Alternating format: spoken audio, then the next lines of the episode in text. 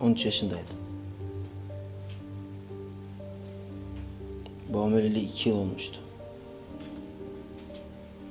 Yoksul düşmüştük. Yani annem terzilik yapıyordu. Zar zor geçiniyorduk işte. Büyük bir evin iki odasında oturuyorduk. Kitaplarımın çoğu noksandı. Okul çantam bile yoktu. Bayram geldi.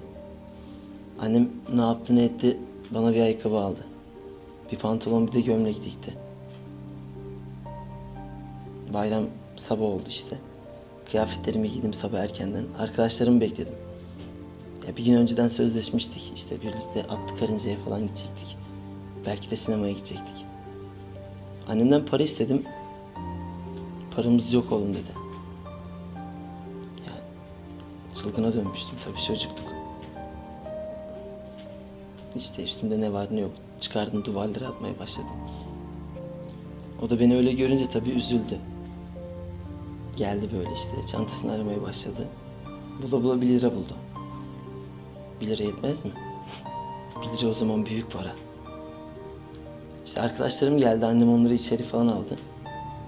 Onları şeker ikram etti. Sonra onları öptü kokladı.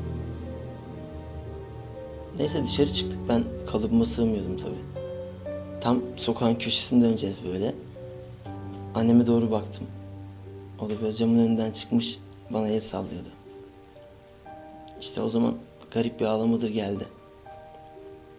Arkadaşlarıma ben gelmeyeceğim siz gidin dedim falan. Onlar da paran yok değil mi oğlum falan diyorlar. Param var dedim.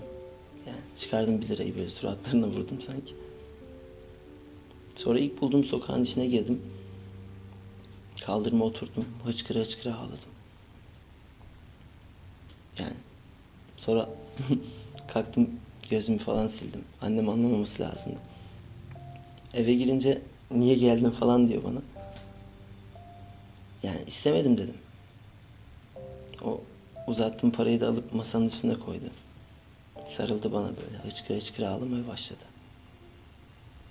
Ben artık ağlayamıyordum zaten yeterince ağlamıştım. Ben ona ağlamamasını söyledim. Yani zaten ona da bana da yakışmazdı ağlamak. Ortaokula gidiyordum. Kocaman adam olmuştum. Anlamadan büyüdüm. Farkına bile varamadım.